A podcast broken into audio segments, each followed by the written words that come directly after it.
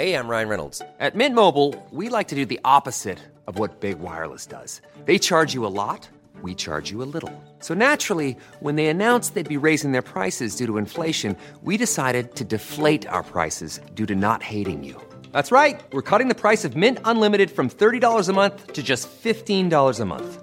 Give it a try at mintmobile.com slash switch. $45 upfront for three months plus taxes and fees. Promote for new customers for limited time. Unlimited more than 40 gigabytes per month. Slows. Full terms at mintmobile.com.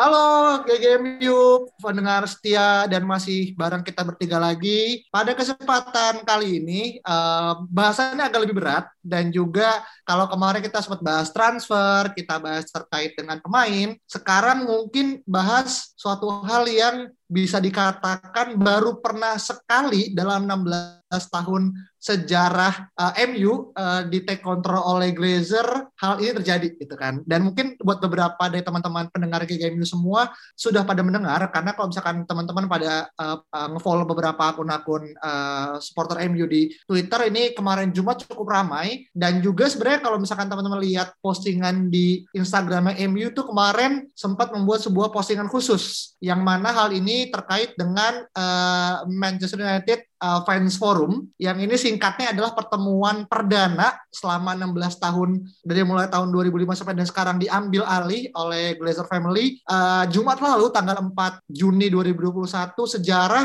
uh, Joel Glazer akhirnya bertemu dengan beberapa representatif dari perwakilan uh, ya sama aja sih uh, fans dari mhm. Manchester United gitu kan terutama mereka-mereka yang menamakan MUST atau yeah. Manchester United Supporter Trust ya mungkin kasarnya mereka-mereka yang kemudian punya punya apa ya um, engagement yang kuat lah gitu kan gue nggak paham secara historikal atau mungkin secara fanatismenya hmm. lebih lu join nggak tuh lu join nggak tuh oh enggak dong Enggak. Untuk uh, ini langganan ini kali ya, apa season season tiket holder ya, most likely. gue kurang paham sih lebihannya sih. Cuma rata-rata emang gue baca mereka datang dari Mancunian atau orang-orang yang emang tinggal dari daerah Manchester hmm. kayak gitu sih ya. Menurut gue sih ya sama lah kayak kita mungkin tinggal satu kota terus kayak kita merasa punya kedekatan historikal lah kita ngebuat semacam kayak klub eksklusif dari dari penggemar suatu uh, indie fans lah. Jadi itu MUST gitu kan. Jadi itu kemarin dan uh, seperti kita tahu kita menghasilkan beberapa ini ya apa uh, decision gitu kan yang mungkin teman-teman bisa baca juga. Tapi gue pengen highlight tiga hal berdasarkan dari apa yang akhirnya uh, topik kita. Yang pertama adalah uh, terkait dengan uh, peningkatan investment dari segi uh, fasilitas di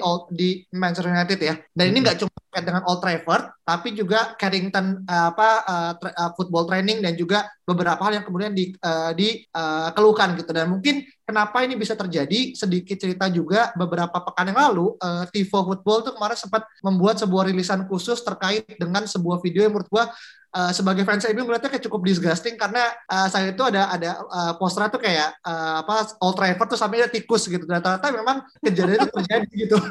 Kalau kalau kalian juga dengar juga kan kayak ada tikus yang kemudian masuk ke dalam uh, Old Trafford. Itu kan sangat-sangat menunjukkan bahwa higienitas di stadion kan juga cukup uh, buruk gitu kan. Ditambah hmm. beberapa kemarin juga fans menyayangkan ketika hujan itu fondasi di bagian atas di beberapa tribun tuh bocor gitu kan. Itu akhirnya ngebuat uh, penonton akhirnya kebahasan ketika nonton. Yang mana ini dianggap sebuah uh, apa ya anomali ketika kita nggak tahu Old Trafford adalah stadion salah satu stadion bersejarah terbesar juga. Tapi kita punya masalah yang akhirnya cukup membuat fans pun akhirnya mendapat uh, trouble sedangkan dia bayar untuk kemudian nonton pertandingan. Nah, yang kedua itu terkait dengan fan ownership gitu kan.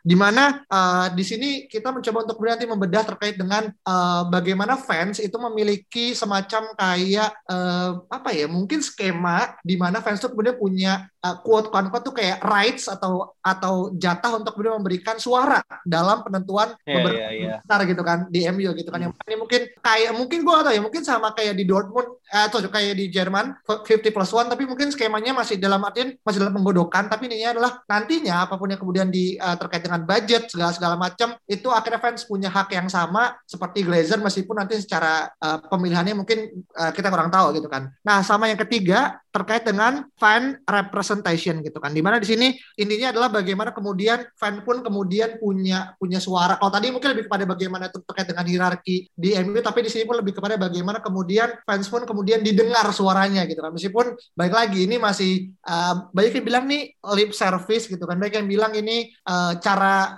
Glazer karena di karena kemarin kita tahu bagaimana kerusuhan di Old Trafford bahkan sampai uh, beberapa fans masuk menerobos uh, palang pintu gitu karena itu ngebuat mungkin beberapa stakeholders jadi marah dan akhirnya cara terbaik untuk kemudian mengakomodasi kerusuhannya dengan cara membuat sebuah dialog antara fans dan juga uh, pemilik klub gitu kan di sini mungkin diwakili oleh Joel Glazer. Nah gue pengen nanya dulu dari Alvin, lu menilai sesi pada Jumat kemarin meskipun itu kita di Indonesia mungkin nggak terlalu paham juga nggak disiarin secara live. Di Indonesia itu lagi sesi khutbah bro. Oh.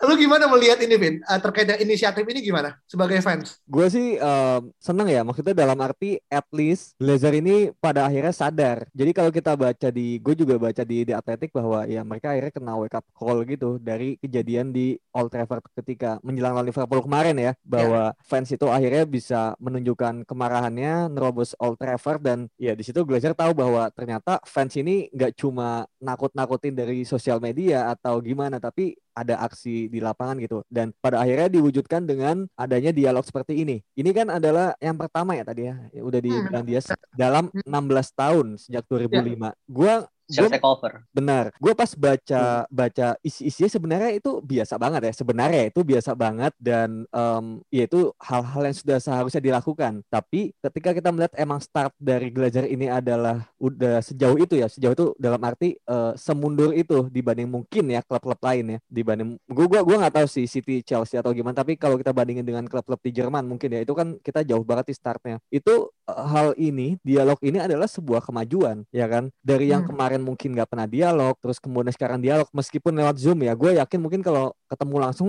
nggak berani juga Glazer ya karena takut ditipu batu kali. Jadi uh, gue menilai ini oke okay, ini kemajuan meskipun terlihat dari isinya masih yang normatif-normatif kan kayak oh kita bakal uh, kita meminta maaf atas kemarin join Super League, kita minta maaf baru muncul setelah 16 tahun, kita bakal membuat A, B, C itu kan ya sebenarnya janji-janji yang ya kayak orang kampanye aja kan. Jadi hmm. dan lu dijanjikan kasarnya dijanjikan kursi untuk pada akhirnya punya sebuah um, suara atau rights dalam membuat sebuah keputusan MU nantinya gitu. Cuman kita nggak tahu ya nanti implementasinya gimana. Nah, menurut gue sekarang itu yang kita tunggu, terutama untuk step pertama adalah di bursa transfer kali ini. Itu sih, itu itu implementasi paling dekat yang bisa kita lihat dari segi investasi yang tadi juga udah lo jabarkan. Gua gua sih jujur ya kalimat-kalimat yang gue baca sih udah sering ya kita dengarkan selama bertahun-tahun di Indonesia gitu. Jadi ya kita lihat aja lah progresnya sampai mana sebenarnya gitu sih. Oke mm-hmm, oke. Okay, okay.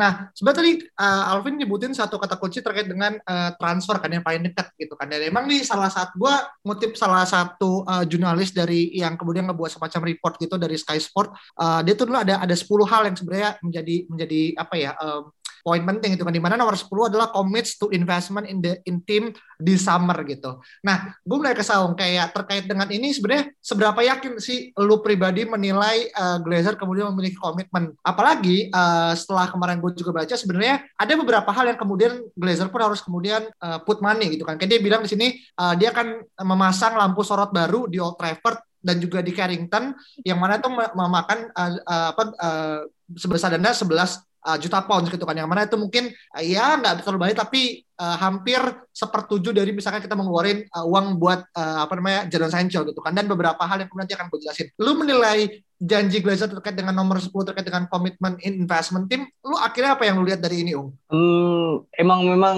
ini 16 tahun terlambat ya. Memang this is 16 years too late gitu. Tapi kita tetap harus sedikit mungkin sedikit mengapresiasi langkah Glazer ini karena akhirnya mau keluar, mau bertemu dengan fans forum dan akhirnya mengeluarkan statement yang mungkin uh, sudah belasan tahun kita itu ingin dengar dari pemilik klub ini gitu kan. Dan mengenai poin-poin yang sudah dijelaskan Alvin tadi dan tentang renovasi Old Trafford gitu. Gue rasa mungkin itu masih masih akan berjalan sekitar satu musim ke depan kali ya. Karena fokus kita saat ini ya transfer window ini gitu. Hmm. jadi uh, eh, gue rasa seluruh budget yang akan disiapkan Glazers untuk Manchester United ini ya fokusnya untuk untuk transfer window ini. Ini gue yakin sih karena ini adalah salah satu cara yang membuktikan kepada fans bahwa pemilik itu punya ambisi yang sama dengan fans untuk membawa Manchester United ini meraih gelar juara hmm. gitu. Jadi mungkin kita harus lebih bersabar sih gitu loh untuk untuk menanti langkah-langkah Glazer ini karena uh, kita tahu sendiri seperti apa Real Madrid dengan renovasi Santiago Bernabeu sampai mereka menabung untuk memberikan Mbappe gitu kan. Karena memang biaya renovasi itu tidak murah gitu dan akan akan memakan biaya-biaya yang lain gitu. Gua rasa sih dengan dengan cara waktu yang sangat dekat dengan transfer yang akan dibuka tanggal 9 nanti, uh, I think kita akan expect untuk Glazer dan Manchester United untuk fokus di transfer window sih. Benar-benar. Hmm. Gua gua kalau mau nambahin apa ya? Uh, ini kan sebenarnya semua plan dari Glazer ini masih berupa brief ini ya, maksudnya karena dari yeah, forum ya betul. gitu. Jadi masih kasar banget gitu. Nah, gue sebenarnya pingin ya kayak um, Glazer itu menjabarkan kayak plan jangka pendeknya apa, jangka panjangnya apa, kemudian nanti itu bakal diselesaikan dalam berapa tahun dan itu semua bisa diberikan secara gua gua gua gua nggak tahu ya sebenarnya itu lazim atau nggak dilakukan gitu, tapi seandainya itu di apa sebuah pemerintahan atau misalnya uh, di sebuah program kerja gitu kan dalam sebuah organisasi menurut gue ya itu lazim-lazim aja gitu kan kayak uh, jangka pendeknya apa, jangka panjangnya apa, outputnya gimana, jangka waktunya berapa lama, itu buat gue kalau misalnya itu bisa dijabarkan dan bisa diberikan kepada fans itu um, bisa kita kontrol at least uh, kasarnya kayak gitu ya dibandingkan kalau misalnya masih secara brief kayak gini ya kapan gitu bisa aja 10 tahun lagi kita nggak tahu. Iya dan apa apa yang dijabarkan di fans forum itu kan kewajiban Glazer gitu untuk Benar. membetulkan membetulkan stadion gitu kan Benar. memberikan hak-hak fansnya itu kan kewajiban gitu iya. yang harusnya sudah dilakukan sejak bertahun-tahun yang lalu Benar. gitu loh. Yes. Jadi untuk untuk uh, apa ke depannya ini yang apa yang perlu kita lihat apa yang bisa kita nilai sebagai fans gitu untuk Manchester United itu ya transfer video ini seberapa besar ambisi klub untuk meraih gelar juara? Itu sih. Iya benar benar benar. Iya memang sebenarnya uh, kita nggak bisa kemudian menilai suatu hal itu secara data. Karena baik lagi ini masih masih yang pertama dan gue baca ini ada lanjutan lanjutannya ke, ke depannya gitu kan. Meskipun gue nggak tahu akan dibuat seberapa rutin apakah setiap enam bulan sekali atau setahun sekali tapi at least langkah pertama kemarin bisa jadi semacam itu membuka untuk ke depannya kita menilai seberapa serius sebenarnya apa yang uh, Glazer sampaikan gitu kan uh, dan ini sebenarnya ini ya agak cukup. Jadi di spot kemudian ada good news, sebenarnya ada bad news juga yang akhirnya um, uh, kita juga perlu bahas itu sebenarnya gini. Uh, kemarin tuh Glazer bilang di forum tersebut bahwasanya uh, denda ataupun biaya-biaya yang kemudian dikenakan oleh UEFA terutama hmm. kepada United terkait dengan uh, keterlibatan mereka di ESL atau UEFA Super League itu akan dibayar oleh Glazer sebagai bukti komitmen yang mana kemarin pun sebenarnya kita pernah dengar kan uh, Presiden UEFA kan sempat ngomong ke Joel Glazer bahwasanya uh, dia uh, sorry Joel Glazer minta maaf kepada uh, Presiden UEFA bahwasanya mereka nggak tahu dan segala segala macam mereka nggak akan ngulang gitu dan akhirnya dibilang semua denda itu akan dibayar oleh Joe Glazer gitu. Nah tapi masalahnya adalah mereka tidak berkomitmen untuk melunasi hutang dan uh, bersikeras bahwasanya dividen itu akan kembali kepada mereka sebagai uh, pemilik gitu dan ini yang kemudian um, menjadi cukup sorotan karena ya kita tidak bisa berharap uh, utang kemudian akan dibayar karena balik lagi itu akhirnya menjadi sebuah keputusan dari dari mereka sebagai owner cup gitu kan sebagai apalagi mereka sebagai uh, pemilik share terbesar ya uh, apa lebih dari 50 hmm. kan uh, di di di sekarang gitu jadi uh, gue nggak tahu ini akhirnya good news or bad news tapi uh, untuk yang utang I think ini gue nggak tahu seberapa banyak juga ya tapi hopefully um, kita bisa membayar tapi gue nggak tahu gimana cara membayar tapi at least itu yang kemudian menjadi bahasan di uh, kemarin gitu. Nah yeah, yeah. ngomong-ngomong masalah utang gitu kan, uh, kita masih sehat sebenarnya secara keuangan yang gue baca ya dan kita nggak se at least nggak seburuk Real Madrid dan juga Barcelona dengan segala bentuk uh, apa finansial mereka yang akhirnya base management dan segala macam. Lu menilai sebenarnya kalau secara brand gitu kita ngomongin MU, lu pribadi gitu kan proyeksi ke depannya nih gitu apalagi lo, lo kan orang-orang campaign nih lu mulai MU itu masih punya nilai, nilai jual gak sih untuk untuk kemudian kayak untuk brand kemudian masuk dan segala macam gitu kan. Apalagi beberapa kan kita paham uh, ada yang kolaps juga dan segala macam. Untuk MU sendiri gimana? Oh ngelihat MU sebagai sebuah brand um. Bisa ini bahasannya ini ya agak oke okay, oke. Okay. ini gimana? kita dari sisi bisnis ya ini ya. Kalau dari segi brand MU itu tidak terkalahkan kan. Image right Manchester United itu tidak terkalahkan gitu loh. Kita bisa mungkin kita bisa apa ya? Kalau misal pengen uh, belusuan gitu ya, kita ke desa-desa terkecil gitu. Kalau misal taik klub bola, pasti mereka lebih tahu Manchester United daripada Manchester City gitu. Itu pasti gitu. Karena image right yang dibangun oleh Manchester United selama belasan tahun, puluhan tahun ini ya memang sebesar itu gitu. Dan apabila Glazer apa ya salah satu alasan kenapa Glazer gak mau jual kan karena image-nya yang sebesar ini gitu loh di mana mereka masih ingin menahan dividennya tuh karena memang sebesar ini jualan merch tuh nggak pernah rugi gitu loh. Jadi kayak ini yang ini yang menjadi alasan kenapa Glazer tuh tidak mau menjual tuh ya karena karena image nya yang sangat besar. Dan gue sih agak meragukan gitu apabila nantinya ada uh, seseorang yang atau company yang ingin membeli takeover Manchester United kalau memang duitnya tidak besar banget sih. Seperti dan, itu. dan sebenarnya kalau masalah brand terus tadi kita juga ngomongin um, masalah uh, utang ya yang mana hmm. Barcelona dan Real Madrid cukup kolaps ya. Gue kalau kemarin sempat lihat gitu ada sebuah sumber yang tersebar di Twitter dan itu juga sempat dibahas lah sama beberapa uh, akun fanbase sepak bola itu Barcelona itu cukup kacau ya dalam dalam apa ya um, ga, uh, struktur gaji.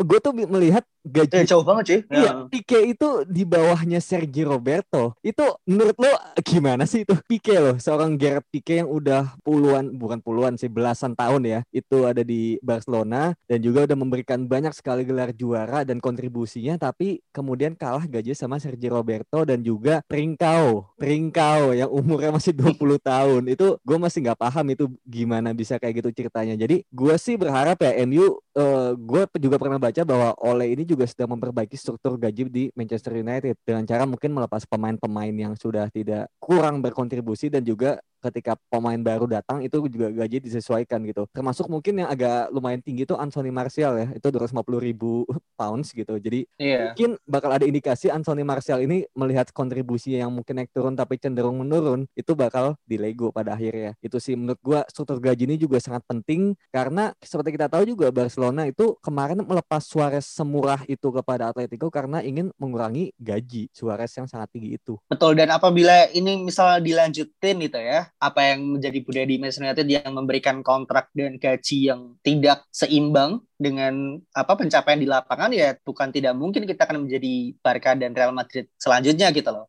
in terms of utang dan kekacauan finansial ya, bukan prestasi ya. Hmm, Oke, okay. iya sih. Dan gue ngerasa memang kalau kita uh, apa ya tidak seberhati-hati itu ya, apalagi ini kan yang akhirnya jadi masalah yang gue baca di Barca kan sebenarnya uh, bagaimana kemudian uh, mereka kemudian terlalu ini gue dengar ya, misalnya mereka terlalu attach dengan uh, apa struktur mereka tuh di, diambil alih oleh pemain ex pemain gitu kan. Let's say makanya kemarin banyak menyalahkan sebenarnya Erik Abidal gitu kan yang yeah. kemarin seperti itu kan dan akhirnya kayak kalau kata siapa ya dibilang kayak dipecat kalau salah. Iya ya, udah kan, dipecat. Hmm. hmm, dipecat. Ya akhirnya kan di uh, kesalahan ketika lu mempercayakan orang yang kemudian bisa main bola, lu taruh di manajemen yang kemudian mungkin belum belum punya pengalaman juga di sana akhirnya dia uh, amburadul dalam kemudian melakukan uh, struktur termasuk kayak tadi gaji gitu kan. Meskipun yang gue baca kemudian ya apa Pique salah satu yang terbesar ternyata yang dari Alvin bilang dia lebih kecil dibandingkan pemain muda ya itu kemudian gue nggak paham gimana. Iya. Uh.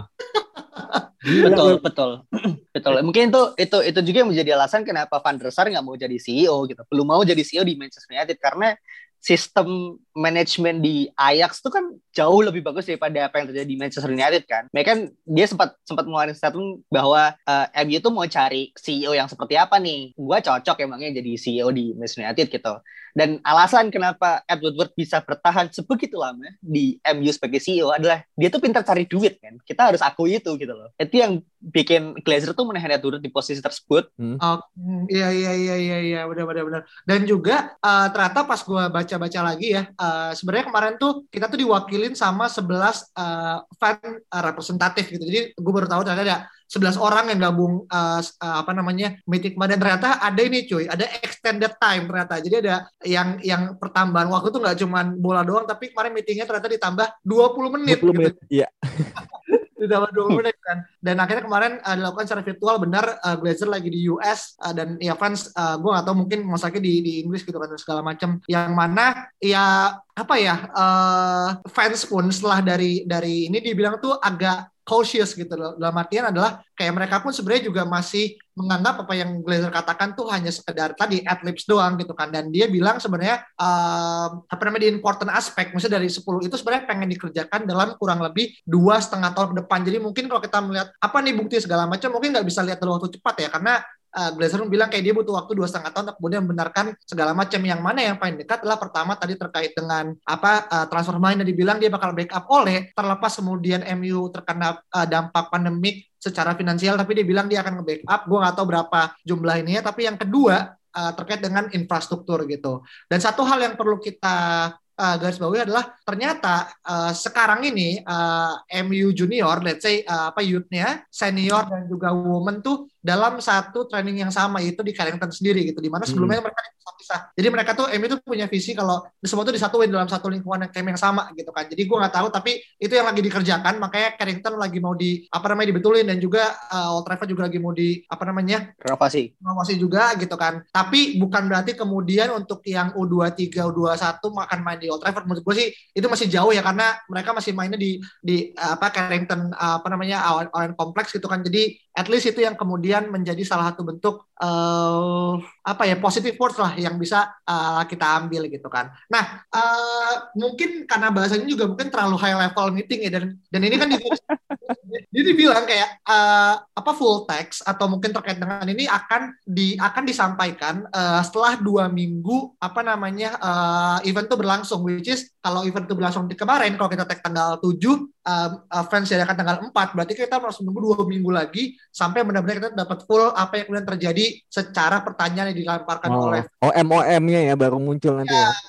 MOM-nya baru muncul setelah sekitar dua minggu uh, ini terkait oh sorry until sorry next week uh, until next week when United hope to publish the full minutes gitu kan. Jadi mungkin ya seminggu sorry seminggu dari apa yang kita kemudian ekspektasi which is minggu ini sebenarnya gitu kan so uh, untuk terkait terkait dengan uh, bahasan ini sebenarnya itu sih yang kemudian lebih kepada tadi kita bahas sudah masalah bagaimana kemudian kita MUST sorry ya punya hak untuk kemudian fans punya hak untuk kemudian melakukan voting rights terkait dengan yeah. kebijakan apakah kita bakal ikut kompetisi ABC itu akan juga ini juga tapi balik lagi ini sifatnya uh, apa ya progresif. Jadi nggak bisa kemudian satu itu tuh akan menentukan hasil ke depannya akan ada. Dan gue pribadi uh, nanti kalau misalnya teman-teman punya ini gue pribadi sih menganggap ini sebuah at least sebuah niatan baik ya dari Glazer sebagai pemilik. Tapi most likely kemudian uh, kita perlu kemudian cautious juga terakhir apa yang terjadi gitu. Nah mungkin dari dari Saung dan juga uh, Alvin, apa yang kemudian lu harapkan uh, selain dari tadi kita bicara masalah transfer pemain, terus juga ada uh, apa namanya uh, peningkatan kapasitas secara uh, fasilitas, ada nggak harapan lain lu sebagai fans MU kemudian berharap apa yang kemudian akan dilakukan Glazer dalam kurang kurang dua dua setengah tahun ke depan, let's say dalam, dalam uh, prospeknya dia, uh? Gue sih sebenarnya nggak muluk-muluk ya, maksudnya dalam arti yang penting apa yang dikatakan itu dilakukan dan juga penuhi kewaj uh, kewajiban-kewajiban dia dan ya penuhi juga hak-hak fans dan juga pemain gitu seperti sebagaimana mestinya. Se itu itu aja dulu sih sebenarnya kayak uh, not much to ask gitu loh sebenarnya. Yang hmm. penting um, sesuai dengan koridor-koridor dan juga garis-garis haluan besar klub aja. Oke, okay. iya iya iya oke. Okay. Nah, dari lu uh, apa nih mungkin uh, hal yang mungkin lu ingin sampaikan terkait dengan uh, apa namanya uh, ini kemarin sembari gue pula yeah, yeah. nanti punya ini gue sendiri. Kalau menurut gue ya, hmm. apabila Glazer beneran stick to their words gitu dan benar-benar melakukan apa yang apa yang dia sampaikan gitu ya di fans forum, mungkin kita boleh expect dua setengah musim ke depan akan banyak gelar di Manchester United sih, hmm. gitu. Karena uh, salah satu franchise olahraga Glazer kan udah menang Super Bowl nih tanpa PI Buccaneers kan. Setelah 18 musim di NFL tanpa gelar sama sekali, akhirnya musim lalu 2020 akhirnya mereka menang Super Bowl dan Glazer sendiri sangat happy gitu loh karena mungkin itu olahraga yang dia mengerti gitu ya, hmm. American football gitu. Dan akhirnya mungkin uh, apa ya, mungkin salah satu beban dia di pundak gitu ya memegang dua franchise sepak bola yang berbeda gitu. Dan ini adalah salah satu tim global yang punya ekspektasi fans yang luar biasa. Dan apabila memang benar-benar melakukan apa yang dia sampaikan gitu ya harusnya gelar sih berdatangan men gitu. Kalau memang ya kita lihat dulu aja lah bulan depan ini dua bulan ke depan ini seberapa besar ambisi dia gitu. Seberapa besar ambisi Glazer family ini untuk membawa Manchester United ke atas seperti itu sih gitu. Apakah dengan cara yang sama gitu mendatangkan pemain top seperti tanpa LP Buccaneers yang mendatangkan Tom Brady gitu ya akhirnya membawa gelar juara ya bisa jadi gitu loh. Kita lihat kita lihat aja apabila memang serius ya gelar pasti akan datang gue yakin. Karena tidak bisa dipungkiri pengaruh owner klub itu dalam prestasi klub itu ya sebesar itu gitu. Kita bisa lihat Roman Abramovich seperti apa di Chelsea kan. Dan Sheikh Mansur seperti apa di Manchester City seperti apa support mereka gitu dan apabila kita mendapatkan support tersebut ya pasti gelar akan dapat. Mm -hmm. Iya iya iya benar-benar. Dan juga mungkin ya gue mungkin uh, ini kita gue gue nemu ada transkrip sedikit dari ini mereka dan sebenarnya uh, ini pinter banget mungkin Glazer juga akhirnya belajar gimana akhirnya bisa nge-pleasing apa namanya uh, apa fansnya dia bilang success for Manchester United Football Club should be measured by all the way our team plays, the trophy we win, the development of youth players who break into the first team, and the quality of our stadium and facilities gitu kan. Yang mana itu mungkin salah satu bentuk cara bagaimana akhirnya uh, apa namanya uh, Glazer pun kemudian percaya bahwasanya kesuksesan MU itu nggak di nggak diukur dengan berapa banyak general revenue gitu kan yang kemudian uh, apa uh, diperoleh tapi juga bagaimana kita akhirnya bisa meraih sukses secara tim dengan cara trofi yang tadi Sawang bilang gitu kan. Dan ternyata yang ternyata kita nggak tahu yang selama ini uh, Glazer sembunyikan adalah ternyata dia tuh nonton juga cuy pertandingan MU meskipun dia bilang uh, apa namanya uh, uh, dia tuh nonton pertandingan MU uh, ketika memang dia tuh nggak tinggal di Manchester. Dan dia bilang kayak uh, he watch every single match and took losses by team heart dan dia kemudian uh, ngerasa kemarin pas MU kalah pun berduka juga gitu kan. Meskipun nggak kelihatan kayak ya sebagai... berduka karena duitnya nggak dapet kan. Ya, semoga nggak PR aja sih. Semoga nggak PR work aja itu gitu loh. Iya iya iya iya dan dan uh, apa namanya ininya uh, ke depannya ini akan terus dilakukan secara apa namanya uh, secara uh, masif. Dan dia juga bilang uh, dia bakal ngebuat semacam the largest fan ownership in world sport gitu kan. Dan semoga itu menjadi salah satu bentuk uh, cara kemudian uh, bisa kemudian bekerja sama. Dan juga dia bilang dia juga kerja sama sama UK government terkait dengan fan led review itu sendiri gitu kan. So iya banyak banget hal yang sebenarnya uh, terjadi gitu kan. Dan uh, kita akan mungkin akan ngebuat apa namanya um, apa episode kedua ketika nanti udah ada perkembangan lagi tapi so far itu yang kemudian bisa kita sampaikan ke teman-teman. Kalau teman-teman kemudian merasa ada yang uh, informasi kita ada yang keliru atau mungkin teman-teman nemu ada hal yang mungkin menarik uh, feel free untuk kemudian uh, memberikan tanggapan. Dan sedikit aja dari kita uh, itu. Dan sampai jumpa di pertemuan berikutnya. Dadah